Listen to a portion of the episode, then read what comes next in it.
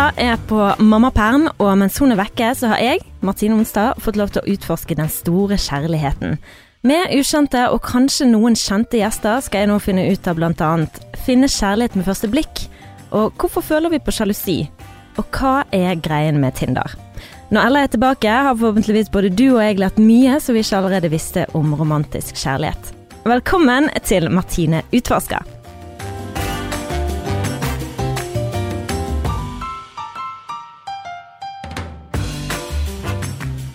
I dag skal vi møte en dame som jeg digger helt vanvittig mye.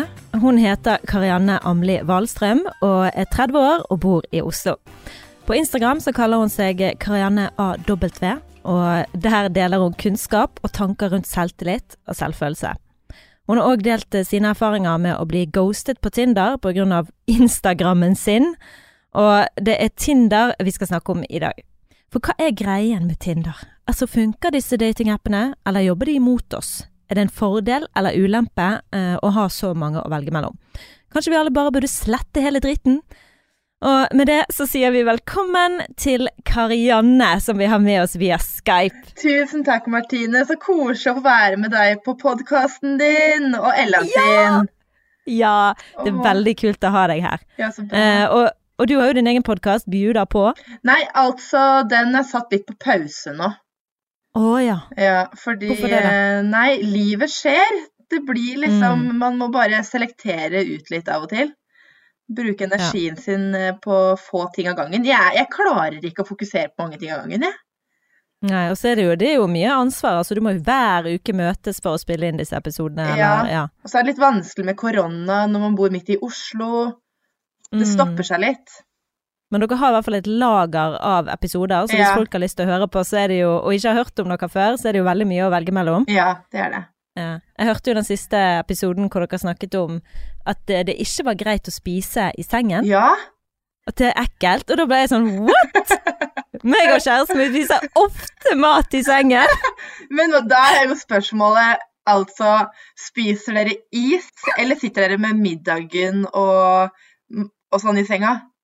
Ja, vi, vi kan typ sitte med middag i sengen. Men jeg tror at du har en litt sånn romantisk måte å gjøre det på. fordi når jeg ser på din Instagram, så er det litt sånn Sex and the City-stemning rundt det.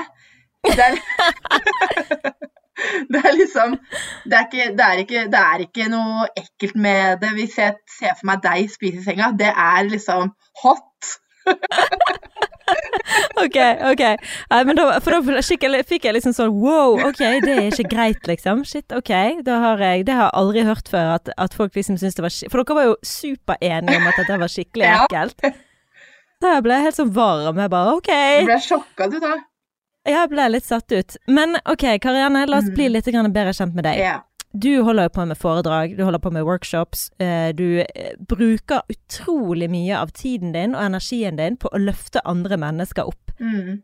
Hvorfor det? Hva det, hva er det du ønsker å måte oppnå?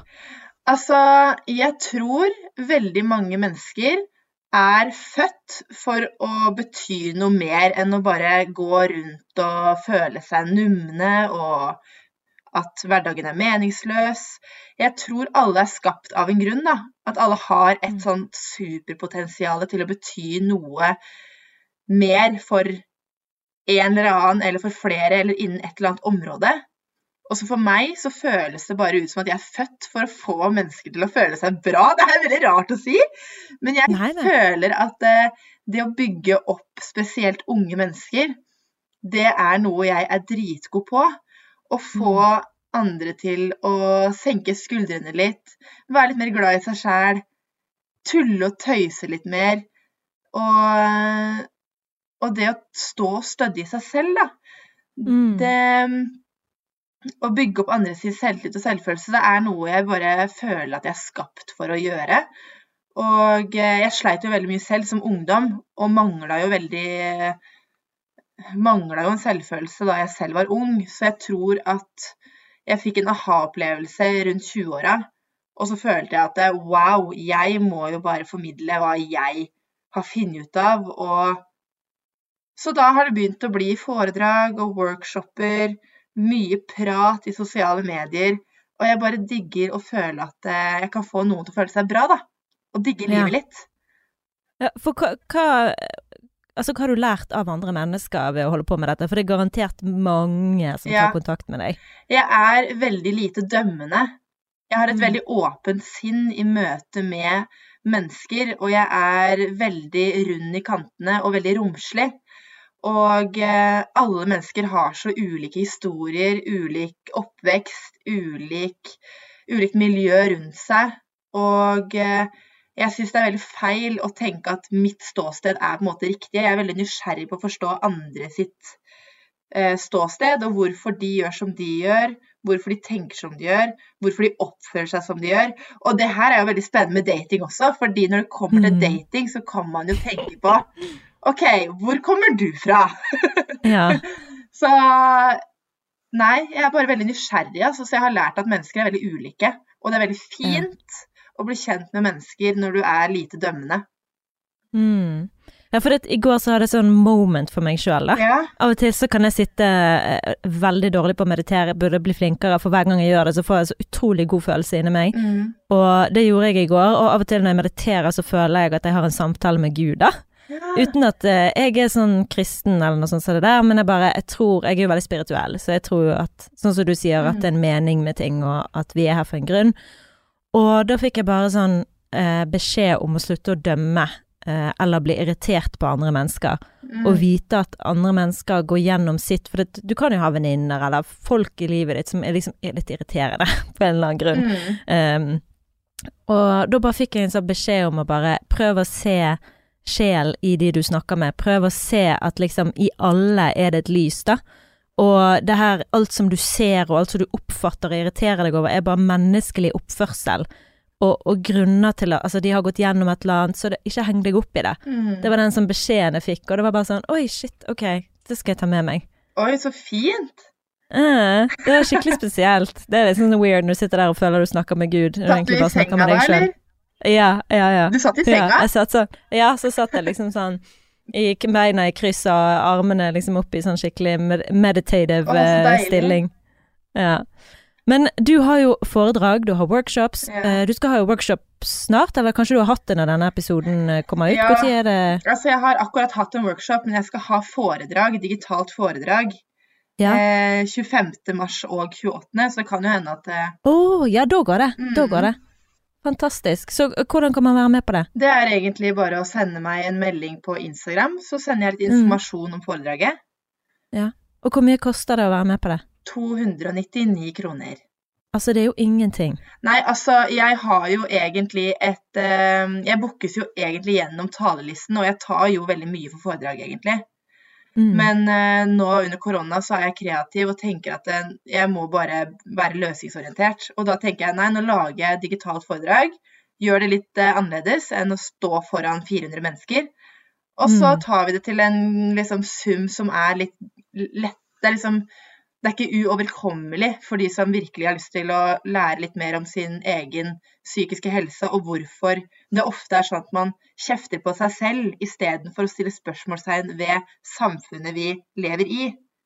Ja. Så Mm. ja. Men du, ok, Karine, nå har vi blitt Mm. litt uh, bedre kjent med deg som person. Mhm. Så nå skal jeg uh, bare introdusere deg som hører på for datinghistorikken til Karine. For det hun beskriver dating frem til nå som vanskelig, med store bokstaver. Karine har uh, vært singel gjennom 20-årene og datet alt mulig, sier hun sjøl. Og hun har opplevd seg opplevd seg sjøl som ekstremt desperat på et tidspunkt i livet. Men altså, dating kan jo være veldig stressende, det har det òg vært eh, for deg, Karianne. Og på et tidspunkt i 20-årene så var det et eller annet som endret seg, fordi at uh, du begynte å date damer, og da begynte ting å falle på plass. Kanskje du forteller litt grann om det? Åh, vet du hva? Datinglivet mitt har vært så vanskelig. Mm. Og jeg tror veldig mange kjenner seg igjen i det. Jeg har vært så desperat. Jeg har Mm. så mye. Jeg har hatt så inderlig lyst til at noen skal elske meg, at jeg har bare gått rundt og bare sikla på folk. og så har jo det ført til at eh, hvis jeg har møtt en eller annen person gjennom f.eks. Tinder, så har jeg kanskje etter ett møte sett for meg veldig mye mer enn Mm. hva som er lurt så tidlig i en datingfase. Da har jeg lagd meg en fremtid. Ja. Jeg har lagd meg et bilde. Og så er jeg veldig, og så har jeg alltid vært veldig optimistisk på at oi, nå har jeg møtt the one. Nå har jeg møtt the one. Mm. Men så har det jo aldri vært det. Så jeg har kava så innmari mye, og jeg tror det er veldig mange som Koselig. Du har hund med deg? Ja. Herregud, så Åh, koselig. hun bjeffer. Ja. Kanskje hun har noe å si? Har noe, noe, noe, noe, noe vi vil dele med oss? Hun er bare supernevrotisk for alle lyder. Men uh, Men uh, Ja. ja. så da jeg Ja. Jeg har alltid visst at jeg er veldig nysgjerrig. Og jeg har alltid visst at jeg burde nok være åpen for jenter også. Men jeg har vært så redd for å date jenter, for jeg har vært så redd for hva hvis jeg virkelig liker det. Men så blei jeg jo mot slutten av 20-årene så forbanna lei av å ikke tørre å utfolde meg 100% i møte med mitt eget kjærlighetsliv. Så da bare møtte jeg noen jenter gjennom Tinder. Og da gikk det slag i slag, og jeg fikk jo noen helt syke nye opplevelser. Den følelsen av å ha sex med en jente når du har lurt på det veldig lenge, ja. eh, det er veldig spennende. Og det er jo Det er veldig gøy når du møter noen som er veldig gode på det de driver med, da. Ja. Så da fikk jeg liksom temmet en stor nysgjerrighet. Og da fikk jeg roa meg, jeg fikk mer selvtillit. Og etter det så har jeg bare vært helt annerledes i møte med mitt eget kjærlighetsliv. Det er veldig rart. Hvordan da? Altså, er det noe måter damer er på forhold til menn? Altså, Nei, jeg det tror egentlig at jeg har vært så stressa gjennom 20-åra at eh, jeg må ha en mann som er sånn, sånn, sånn, sånn, sånn. mm. Og så har jeg visst at jeg burde kanskje utforske litt med jenter, men jeg har ikke turt det, så det har jeg bare skjøvet vekk. Og så har jeg blitt veldig krampaktig i møte med menn. Mm. Og så har det egentlig ikke vært lurt å være så krampeaktig som jeg har vært. Det har vært veldig lurt for meg å bare senke skuldrene og bare flyte med. Om det er menn eller jenter, ikke tenker vi på det. Men jeg har vært så bestemt på at det, det skal jeg date, og dem skal jeg date, og ikke det. Og da, da er du jo ikke helt ærlig med deg selv, da. Mm. Så når jeg ble ærlig med meg selv, og bare lot hele verden åpne seg på en måte, så blei jeg mer rolig og trygg. Og eh, så jeg er veldig for at man Jeg er veldig god på å være veldig ærlig med meg selv, egentlig på alle områder i livet, men jeg har ikke vært det i møte med dating fordi ja, man er redd for hva andre tenker, redd for hva andre sier, redd for hva hvis jeg plutselig blir forelska i noen jeg ikke har sett for meg at jeg skal bli forelska i. Så hvis Overtenking de luxe. Overtenking er virkelig ordet. Jeg har ikke brukt hjertet, jeg har bare brukt hodet, egentlig, i møte med dating. Ja.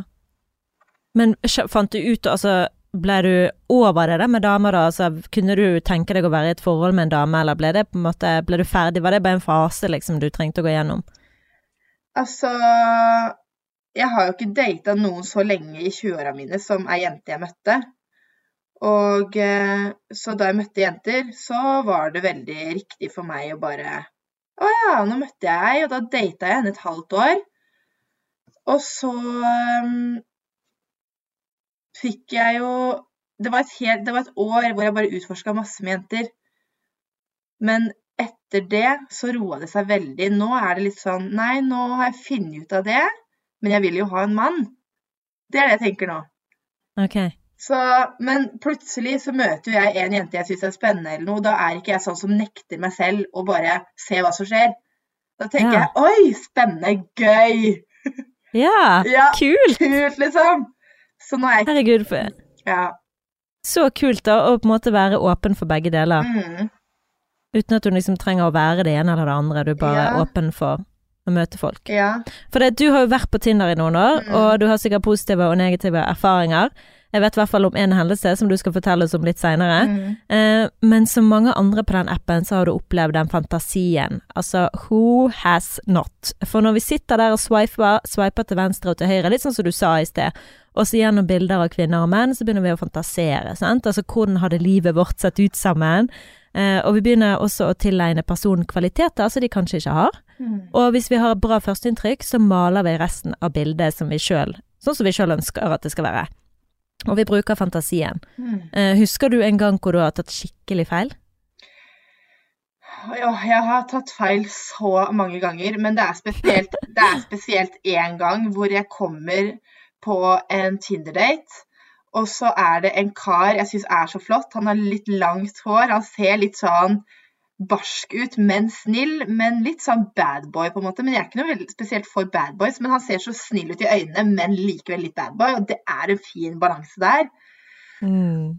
Og han er jo kjempeærlig med en gang og sier at jeg har brukt masse dop tidligere. Og jeg vil at du skal vite det, så ikke du får vite om det seinere. Og da tenker jeg oi, det er jo veldig fint at han sier det og er veldig ærlig. Og På første date. Men så tenker jeg ja, det er det, ikke sant. Det er jo litt rart. ja. Litt rart. Så sier han at nei, det er han ferdig med og alt mulig sånn. Og så begynner han utover på den daten også å snakke masse om eksen sin. Mm. Og det er vel litt grann rart egentlig på første date, når du skal sitte og Ja. imponere den du har ved siden av deg. Hell yes. Ja, så da reiste vi fra daten, og jeg hadde jo i utgangspunktet ikke noe spesielt god magefølelse. Men det blir jo da til at jeg bare tenker ja, men han var jo litt kjekk, og vi gir det her litt tid, og vi ser og sånn. Jeg gir han en sjanse. Så jeg ga jo han en sjanse, og han sa på date nummer to at han var så glad i meg, og når det henger så lett og løst i Mm. lufta, så burde jeg reagert for lenge siden, på en måte. At han, han her er jo ikke i kontakt med følelsene sine, og han er jo Han lever i hvert fall på en eller annen illusjon av noe han ønsker som ikke har rot i virkeligheten. For Mm. han kan ikke bli glad i meg etter liksom én date som ikke var spesielt bra engang. For da hadde dere veldig god connection på Tinder, da? Når dere skrev med Ja, det hadde vi. Okay. Så jeg tror vi kanskje, apropos det å, å, å, å sette visse karakterer Nei, visse, og det er også tre liksom visse egenskaper over huet på en du møter på Tinder, det er veldig vanlig.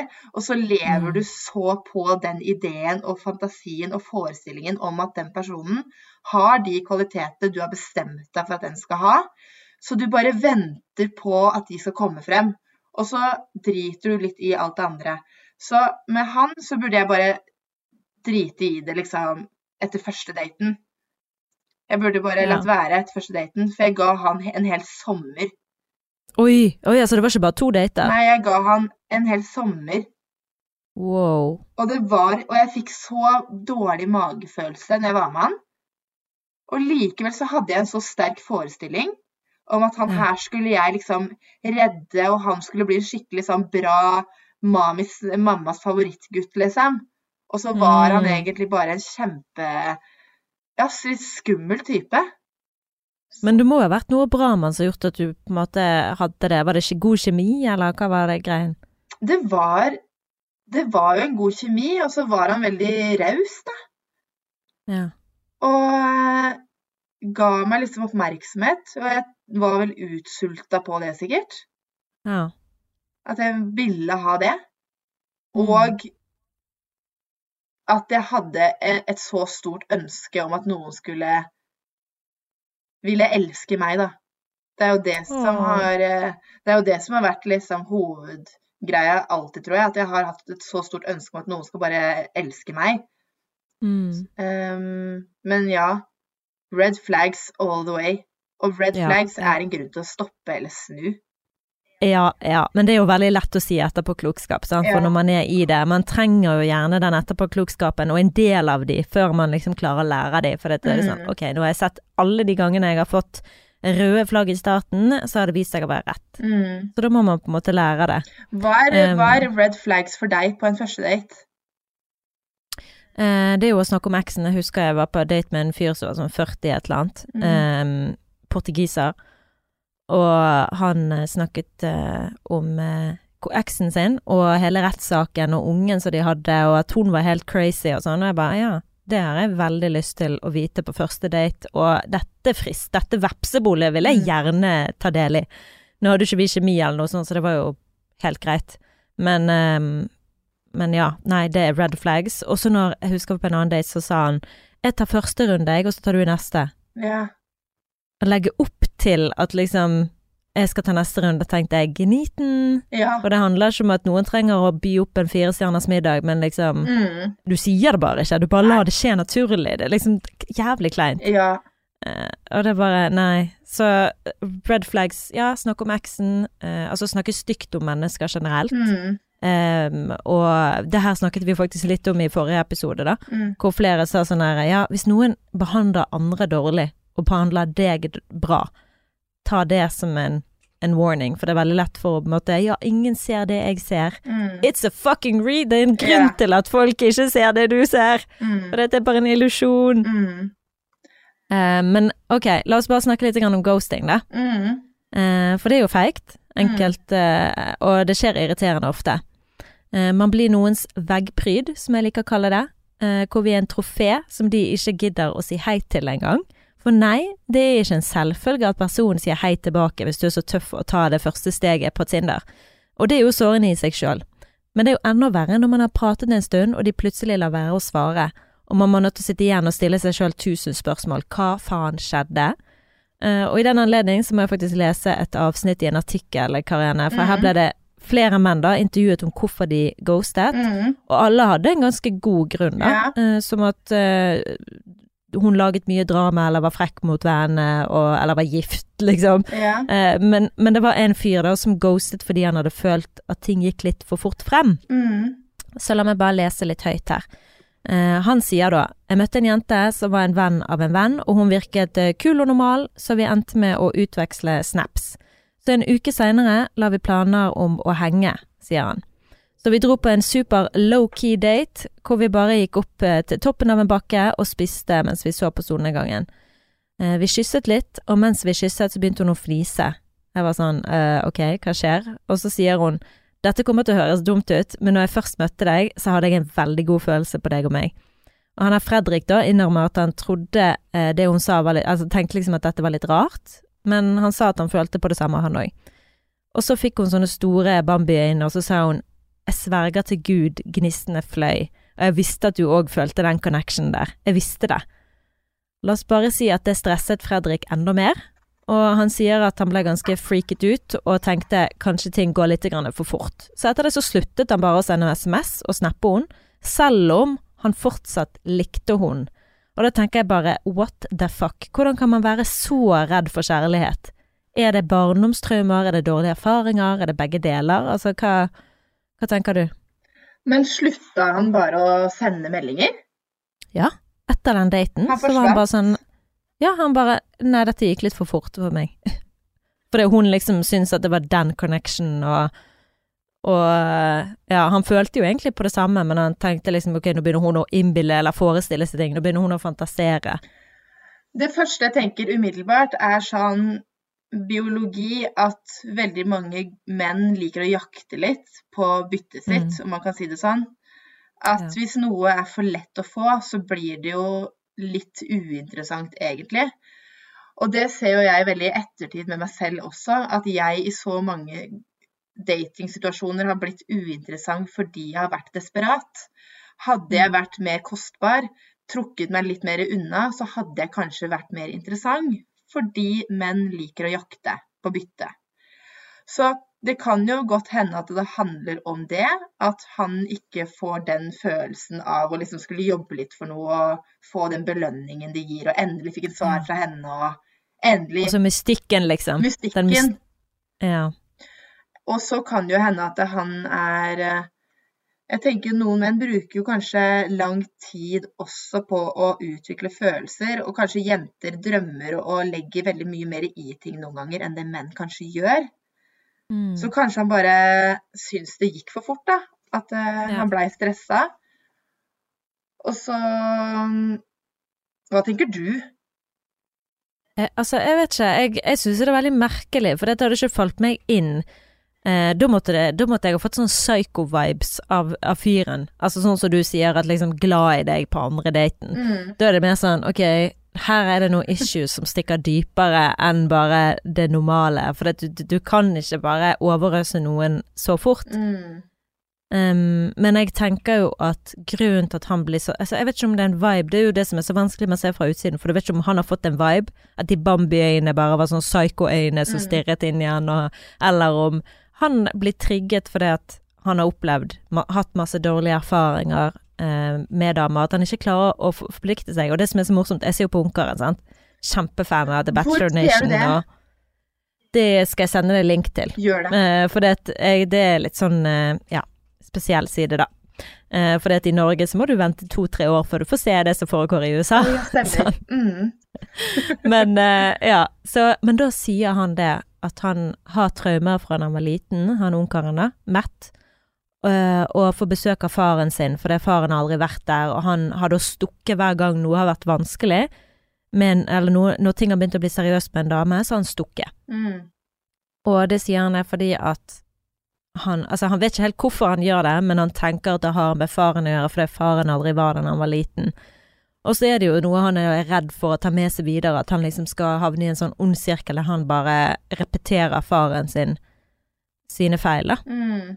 Uh, og og det, det tror jeg virkelig at til syvende og sist så Ting som trigges i oss, har gjerne med dårlig erfaring å gjøre, Mm. eller og eller og eller barndomstraumer. Mm. Um, som at man ikke ble sett hjemme, eller at man ikke fikk den kjærligheten som man Mm. gjerne trengte. Altså, jeg tror også med um,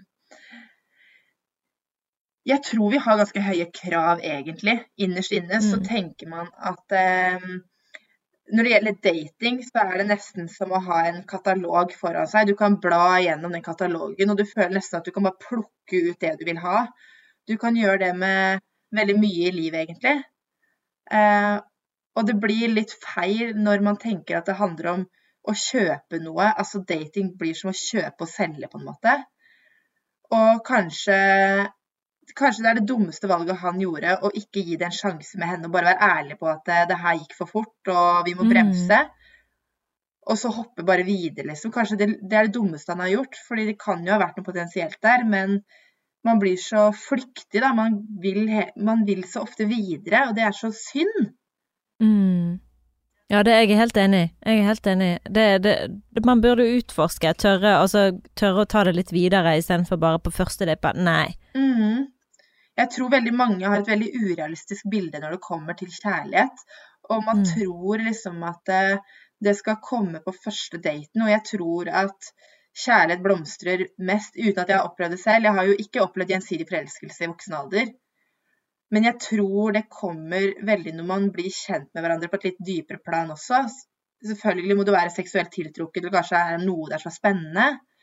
Men det, det, jeg tror det skjer først når du kommer på et litt dypere nivå. Ja, altså jeg har opplevd begge deler, og Ja. den ene sånn som å bli sånn forelskelse med første blikk, det har jeg opplevd, og skriver jo nå en bok om det. Um, Kult. ja, 'Drømmemann fra helvete'. Oi, wow, for en fengende tittel! Takk. Det gleder jeg til å lese. Ja, og, og det er jo egentlig litt av de En bok full av uh, warning signs, egentlig, eller red flags. For der var det jo veldig intenst veldig fort, Mm. uh, fra begge sin side. Men uh, der var det jo òg en illusjon, sant. Så jeg har jo Det var jo å for- være forelsket i noe som du ikke egentlig vet hva er. Så forelskelse kommer før fornuften. Men med Adrian så føler jeg at det var litt annerledes, selv om jeg var veldig betatt av han før vi møttes. Jeg har jo fortalt historien til lytterne våre en million ganger, så skal jeg prøve å holde det kort. Men eh, når vi møttes, så var det jo bare veldig rart, fordi Mm. vi hadde snakket i tre uker på telefon. Um, men der føler jeg virkelig at forelskelsen har kommet etterpå. Ja. Men hvor lang tid tok det før du følte at du var forelska?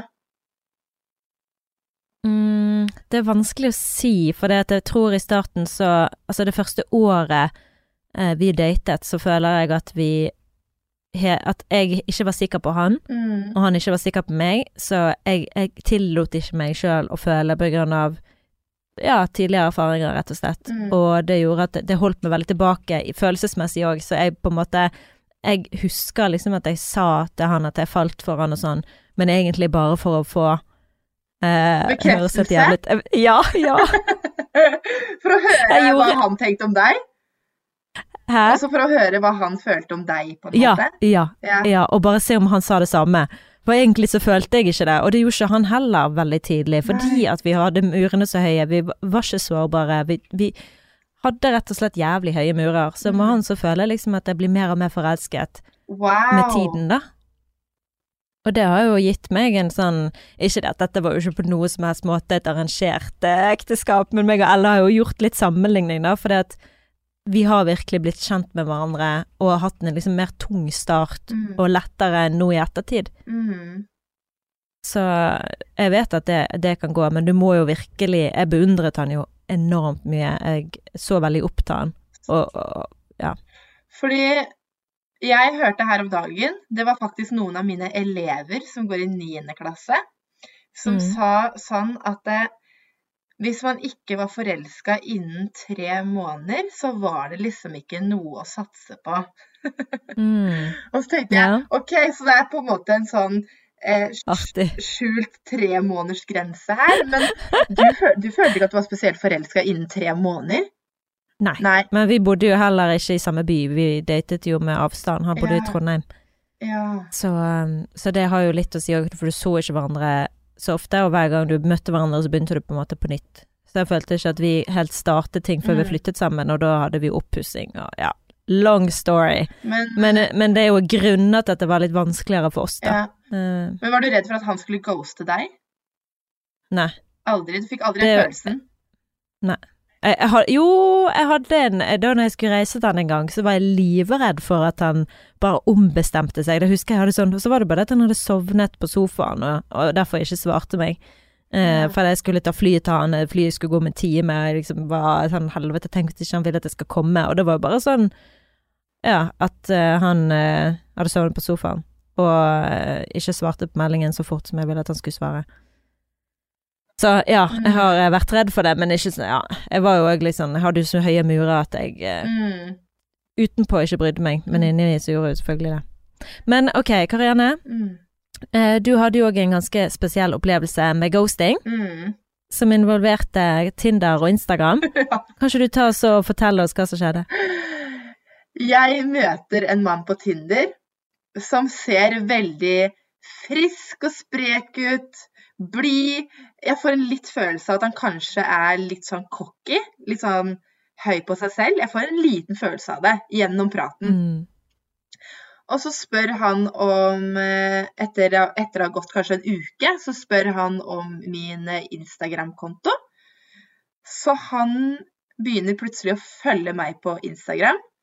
Jeg begynner vel å merke ikke å følge han, fordi jeg gidder ikke sånt der. Det er sånn Jeg må møte folk først. Jeg gidder ikke bare begynne å følge her og følge der.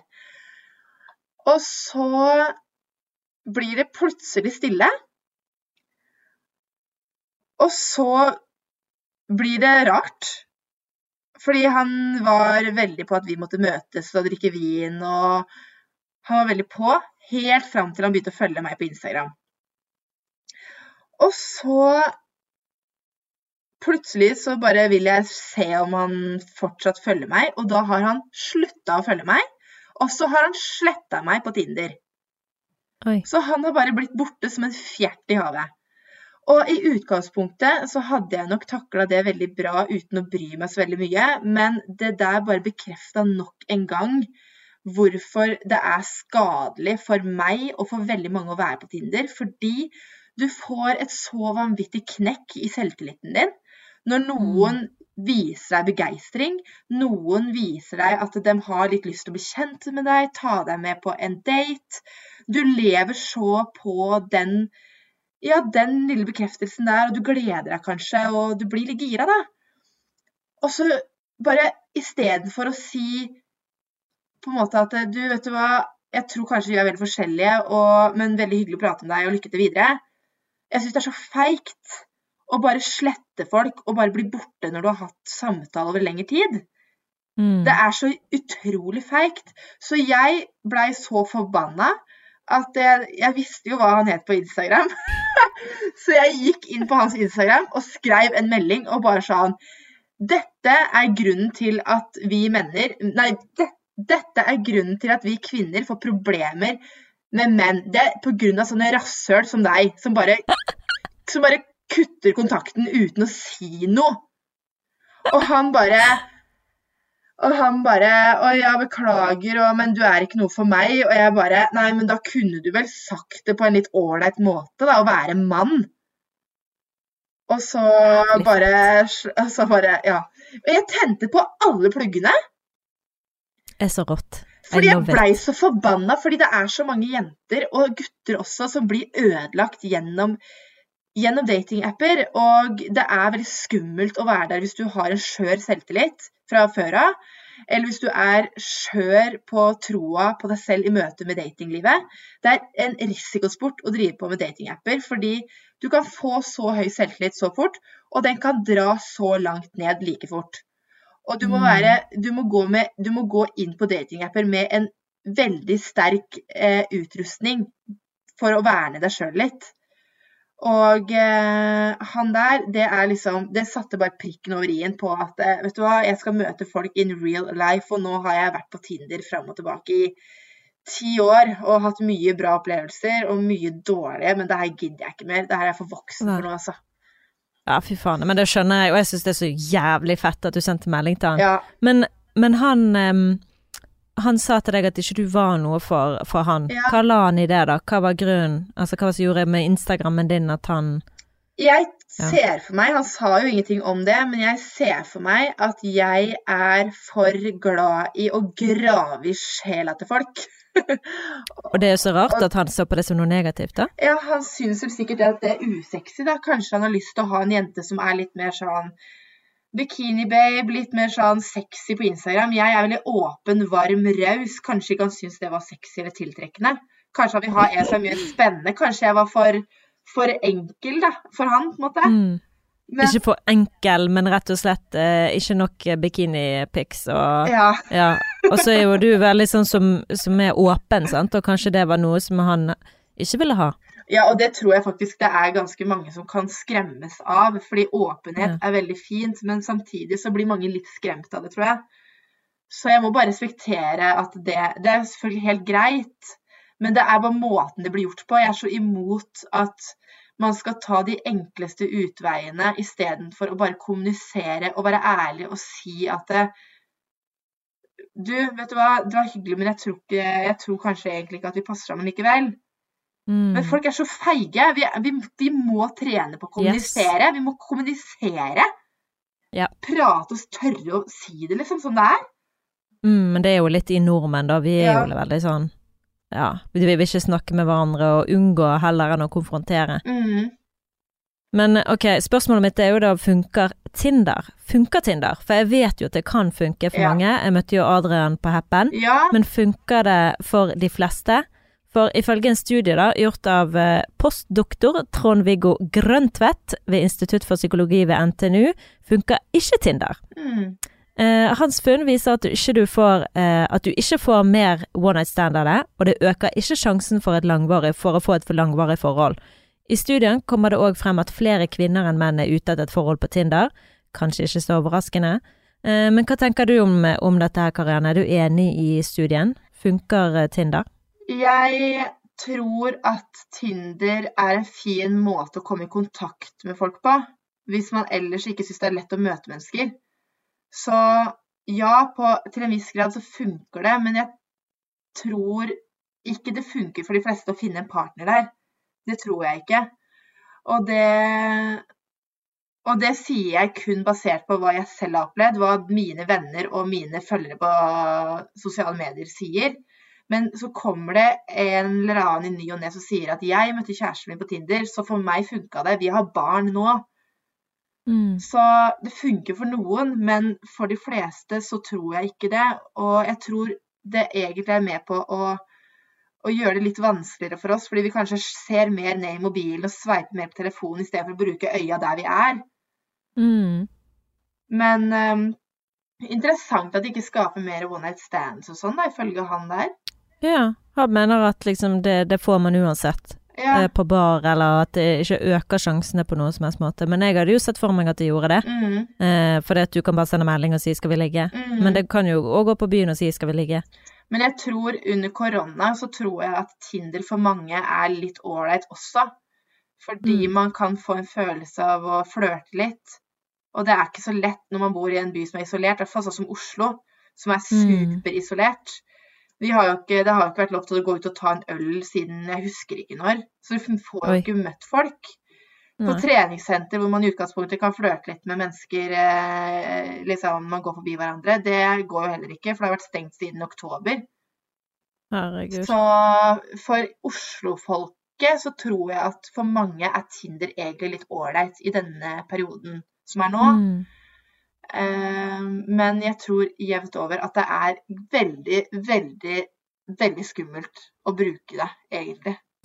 Ja, jeg spurte jo på Instagram da, Mm. eh, om folk liker Tinder, og da sa 32% ja, vi liker Tinder, Ja. men 68% sa at ikke de liker Tinder. Uh. Så burde vi slette Tinder, eller bør, er det en fin måte å holde, liksom få kontakt med folk på? Hvis du lever superisolert pga. korona f.eks., for, Ja. og du føler at det er lett å, å forholde seg til appen, behold appen og lek med den og bruk den som et verktøy for å bli kjent folk. Men hvis du merker at du føler deg dårlig pga. at du bruker den, og du i utgangspunktet kan møte litt folk eh, i hverdagen din, så ja, for all del, slett den appen. Bli kvitt den. Once for all. Har du slettet den? Ja. Har du det? Ja, ferdig. Fortell, hvorfor har du gjort det? Fordi jeg blei møkkalei etter han derre fyren som oh, ja. jeg blei møkkalei. Jeg blei dritlei. Oi. Og så har jeg jo egentlig funnet en person nå som jeg liker å date. Ja, men Du, det var det jeg skulle inn på nå, skjønner du, for du har begynt å date en som er 16 år eh, eldre enn deg. Ja, det er ganske mye. Wow! Fortell, kan du fortelle oss litt? Em, vi møttes jo det året her egentlig gjennom, um, gjennom innspilling av Farmen og Torpet og sånn. Så det er jo Har han vært med på Aha, Torpet? Altså, han er i den smørja der, da. Det jo I produksjonen? Ja, om det er, ja, det er liksom den Farmen-smørja, da. Okay, okay, okay. Eh, og så er det um, veldig fint å være med han, og jeg hadde egentlig ikke tenkt at uh, han og jeg kom til å liksom date, fordi jeg bare så ikke på han som en person jeg skulle date. Men så har det bare blitt sånn. Fordi vi har det gøy, og vi har, det, vi har en veldig fin kjemi, så vi dater. Og det kom Tenk at jeg har leita gjennom Jeg har leita gjennom hele 20-årslivet mitt. Jeg slutter å leite, sletter Tinder. Og så bare Ja. dukker det opp en som jeg bare Oi, jøss, der kom du, liksom. Oi! Og jeg ser jo ikke nødvendigvis for meg at det er livet ut, men akkurat nå så er det bra, og det er det jeg forholder meg til. Og istedenfor å tenke liksom langt der framme, sånn som jeg ellers alltid ville gjort, Ja. så skal jeg bare leve her og nå. Hva er det du liker med han her, da? Hvordan han får meg til å føle meg. Jeg føler meg så trygg. Jeg føler meg Mm. veldig sett. Jeg får så mye bekreftelse på ting som er viktig for meg. Mm. Og eh, han er en skikkelig gentleman. Ja. Liksom lager middager, serverer meg et glass vin, skryter litt av meg, kjøper blomster til meg. Wow! Og det har jeg aldri opplevd før. Nei. Så det er helt Åh, han nytt. høres jo Han høres jo kjempefin ut. Men spørsmålet er, for jeg er liksom ikke forelska. Mm. Og da er jeg veldig spent på hm, kanskje det kommer etter hvert, men kanskje ikke. Så man får jo se. Ja. Ja. Ja, nei, ja, eh, veldig godt, eh, for dette her er jo Har det begynt med et vennskap, på en måte? Ja, det har det. Sånn, så, ja, så det premissene har endret seg Ja. for hva dere på en måte er. Mm, Så det er jo det som gjør at det sikkert òg er litt sånn hm, hva, ja. er, hva er, er dette her? Og så tenker jeg veldig på at jeg er 30 og jeg vil ha barn. Mm. Og eh, jeg vil jo være sammen med en som jeg er forelska i. Mm. Så det er jo noen ting her som jeg tenker litt på hvis det skal være et langvarig forhold, så har jeg faktisk noen nå kriterier, på en måte. Jeg skal ha Mm. barn, og jeg skal jo være forelska. Så det må Mm. jo, må jo se hva som kommer, men eh, jeg skal i hvert fall være med noen som kan gi meg barn. ja. Vil du ha barn? ja, ja, ja. Ja, Jeg har lyst på barn. ja det er jo koselig. Men det er jo, men det er jo liksom du, du vet jo ikke om du kan få barn. Nei, man vet jo ikke det heller. Nei. Herregud. Det vet jo ikke jeg. Nei. Så ja. Nei. Så vi får se.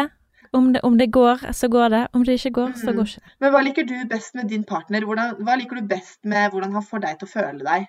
Åh, nå fikk jeg sommerfugler i magen. Gjorde det! Merkes det! Ja. um, det jeg liker best med han, det er altså bare hele Altså, han er Jeg kan si først det jeg liker minst, for det irriterer meg, at han er veldig dømmende. Ja. Men uh, Eller han kan være veldig sånn Han liker nesten ingen, men så liker han Han liker deg masse. Ja, åh, nei, men han er eh, Han er bare Å, hvordan skal jeg forklare? Han er ærlig, han er direkte, han er har, Altså, han har veldig sterke verdier, veldig gode moraler. Altså, han eh, er veldig sjenerøs, han er eh, gøy, uhøytidelig, han er morsom, han er smart. Eh, hva er det ikke? Altså, jeg virkelig fant en sånn liste, da. Ehm, hvor jeg har skrevet opp hva jeg ser etter i en mann. Ja. Og så det har jeg skrevet da når jeg bodde på Laksevåg, i en bitte lille leiligheten min. Mm. Og så bare sjekker han av på alt. Absolutt alt. Mm. Uh, og da har du ikke skrevet opp da at uh, personen skal liksom forstå meg emosjonelt, for det, det hadde jeg ikke tenkt på. For det gjør han jo ikke, og det er jo noe som vi på en måte jobber med, da. At yeah. for, for det er jo sånn når du er med noen, så kan du kjenne liksom åh, du forstår meg. ja. Og det gjør ikke vi. Nei. Nei. Men syns du det er Så- krevende? Syns du det syns, Fordi Ja. altså, det der har jeg snakka mye med mammaen min om, og hun sier sånn Mm. Men, men Hun sier liksom det samme som deg. Mm. Så sier hun Men så har jeg mine venner, og de forstår meg. Ja. Ja, ja, Og ja. derfor For dette er jo Ja, og jeg har jo en kompis som liksom bare forstår meg, for eksempel, da. Jeg har jo Mhm. venninner òg, men eh, en kompis som forstår meg helt og fullt. Men jeg har jo ing jeg er jo ikke seksuelt tiltrukket av han. Altså, det har du ikke Jeg ikke- har ikke de romantiske følelsene for han. Mm. Uh, og da tenker jeg at man kan få forskjellige behov forskjellige steder. For det er veldig lett sånn som å tenke at én person skal dekke alle dine behov. Ja. Men det er jo veldig få som opplever å møte et sånt menneske. mm. Så skal du da gå rundt og leite etter, en, etter det, eller skal du på en måte Og det er jo ikke det at jeg settler på noe som helst måte, for jeg føler jo at Adrian er altså above and beyond for hva jeg kunne tenke meg å ende opp med. Mm. Um, men, eh, men selvfølgelig, det gjør ting vanskeligere, Mm. for at i en krangel så forstår man rett og slett ikke hverandre. Eller en uenighet eh, i, i konflikter. Mm. Men er snakker, dere, det sånn at- snakker dere engelsk sammen? Ja, du, snakker engelsk og norsk. syns du det er vanskelig når du skal uttrykke følelsene dine og sånn? Nei, jeg føler jo meg eh, jeg, jeg, jeg føler meg fransk, egentlig. Men jeg, ikke at jeg kan fransk. Men jeg føler ikke meg norsk. Jeg føler ikke Jeg, jeg føler jo jeg elsker Amerika, på en måte. Jeg Mhm. elsker og hater det. Men jeg bare Nei. Jeg gjør ingenting. Jeg bare syns det er kjekt å snakke engelsk. Ja. Men eh, ja, nå surret vi oss langt inn i forholdsverden. Men veldig spennende med, med, med typen som du dater nå, da. Ja, Og det er jo fint at du kan ta en sånn her og nå-greie med det, og så bare ta det så det kommer. det er så deilig, og jeg bare nyter det. Jeg nyter det så Ja. mye. Jeg bare Jeg står med åpne armer, og jeg bare sånn Vet du hva? Bare sjarmer meg. Bare, jeg tar imot, og jeg er så takknemlig. Vet du hva? Dette trenger jeg så mye. Jeg bare tar imot. Ja. Åh, det. Nei, men du, det er gøy. Mm. Det er spennende. Og kjekt at du har det nå, spesielt i korona, så er det jo alltid kjekt med litt selskap. Ja, veldig. Men hva syns du folk eh, bør gjøre på Tinder? Fins det en sånn etikette som vi burde følge? I hvert fall være ærlig på at du ikke vil møtes hvis dere har avtalt å møtes. Fordi der er det veldig mange som bare blir ghosta, og den ghostinga er en uting. Mm. Eh, og kanskje ikke dømme så mange gjennom bilder. Se sånn, er det et snilt smil, eller er det gode Er det en sjarm i øynene? Se litt annerledes på bildene, og ikke liksom dømme det så fælt. Mm. Og så bare ha lave skuldre og ta det som en prat og tenke at det her er spennende, og vi får se hva det blir til, liksom. Men ikke lage så mange bilder i hodet sitt. Mm. Definitivt. Og jeg Mm. syns folk burde ha en Altså hvis du først For det, det skal jo It takes two to tango. Du kan Ja. ikke matche med noen med mindre begge to sier ja. Mm. Så når du først har sagt ja til å matche med noen, hvorfor i helvete sier ikke du hei tilbake? Ja. Det er bare en merkelig ting som jeg ikke skjønner hvorfor folk Altså, hvorfor svarer du ikke? Det er så uhøflig. Ja, for da syns den plutselig at det blir, da syns den plutselig at det blir det blir kanskje for mye å forholde seg til. Da. For kanskje de har matcha med ti personer, ikke sant? Kanskje de har matcha med fem, kanskje de har matcha med to, men de bare 'Å, herregud, jeg orker ikke det likevel'. Mm, det har jeg ikke tenkt på. Mm. Og så bare å nei, nå ble det her stress, og jeg har ikke tid til det her egentlig, og det her gidder jeg ikke. Å nei, dette ble plutselig hassle. Mm. Ja, for dette er jo selvfølgelig òg tenkt da Altså, det har jeg tenkt ofte på. Menn har så mye flotte damer i dette landet å boltre Mm. seg på. I forhold til damer, menn. Altså, jeg syns det er mye mange fin eh, finere damer enn det er menn. Det er mange landet. flotte damer i dette landet, ja. Ja, det er helt sykt. Det er sant, altså. Ja. Skandinaviske jenter er veldig flotte. Grusomt flotte. Mm. Nei, men åh, gud. Tusen takk for at du eh, tok deg tid til å være med, Karianne. Tusen takk selv. Um, Og hvis noen har lyst til å være med på workshopene dine, hva, hvordan kan de melde seg på? Da kan de sende deg en melding på Instagram. Karianne Mm. AW, eller Mm. AW. Ja, Karianne AW. Nå er det jo hovedsakelig digitale foredrag jeg kommer til å gjøre fremover. Fordi Mm. jeg bor midt i Oslo, og det å samles fysisk er så vanskelig i korona. Mm. Så, men workshopen er jo mye dyrere, så det er, jo, det er jo bare egentlig bra at det blir litt digitale foredrag. Man kan sitte hjemme i koseklærne sine, lytte, ta imot kunnskap og få inspirasjon. Ta et glass vin. Ta seg et glass vin, kanskje. så, og så er det billigere, så det er, bare det er bare bra det med at det er digitale foredrag egentlig istedenfor akkurat nå. Ja. Så Nei, men uh, gøy. Da er det Ja. bare å gå inn og sjekke ut Karianne AW, og mens du er på Instagram, gå gjerne inn og følg eh, Sexløs og singlish. Der eh, kan du gi oss litt tilbakemeldinger på episoden, eller komme med tips til hva vi burde snakke om framover. Og så må vi bare si takk til deg, Karianne. Kunne du sittet her i evigheter og snakket med deg, jeg? ja, men kanskje vi plutselig sitter sånn igjen. Ja, det skal ikke du se bort ifra, skjønner du. Nei, men du, tusen takk for at du var med. Takk selv.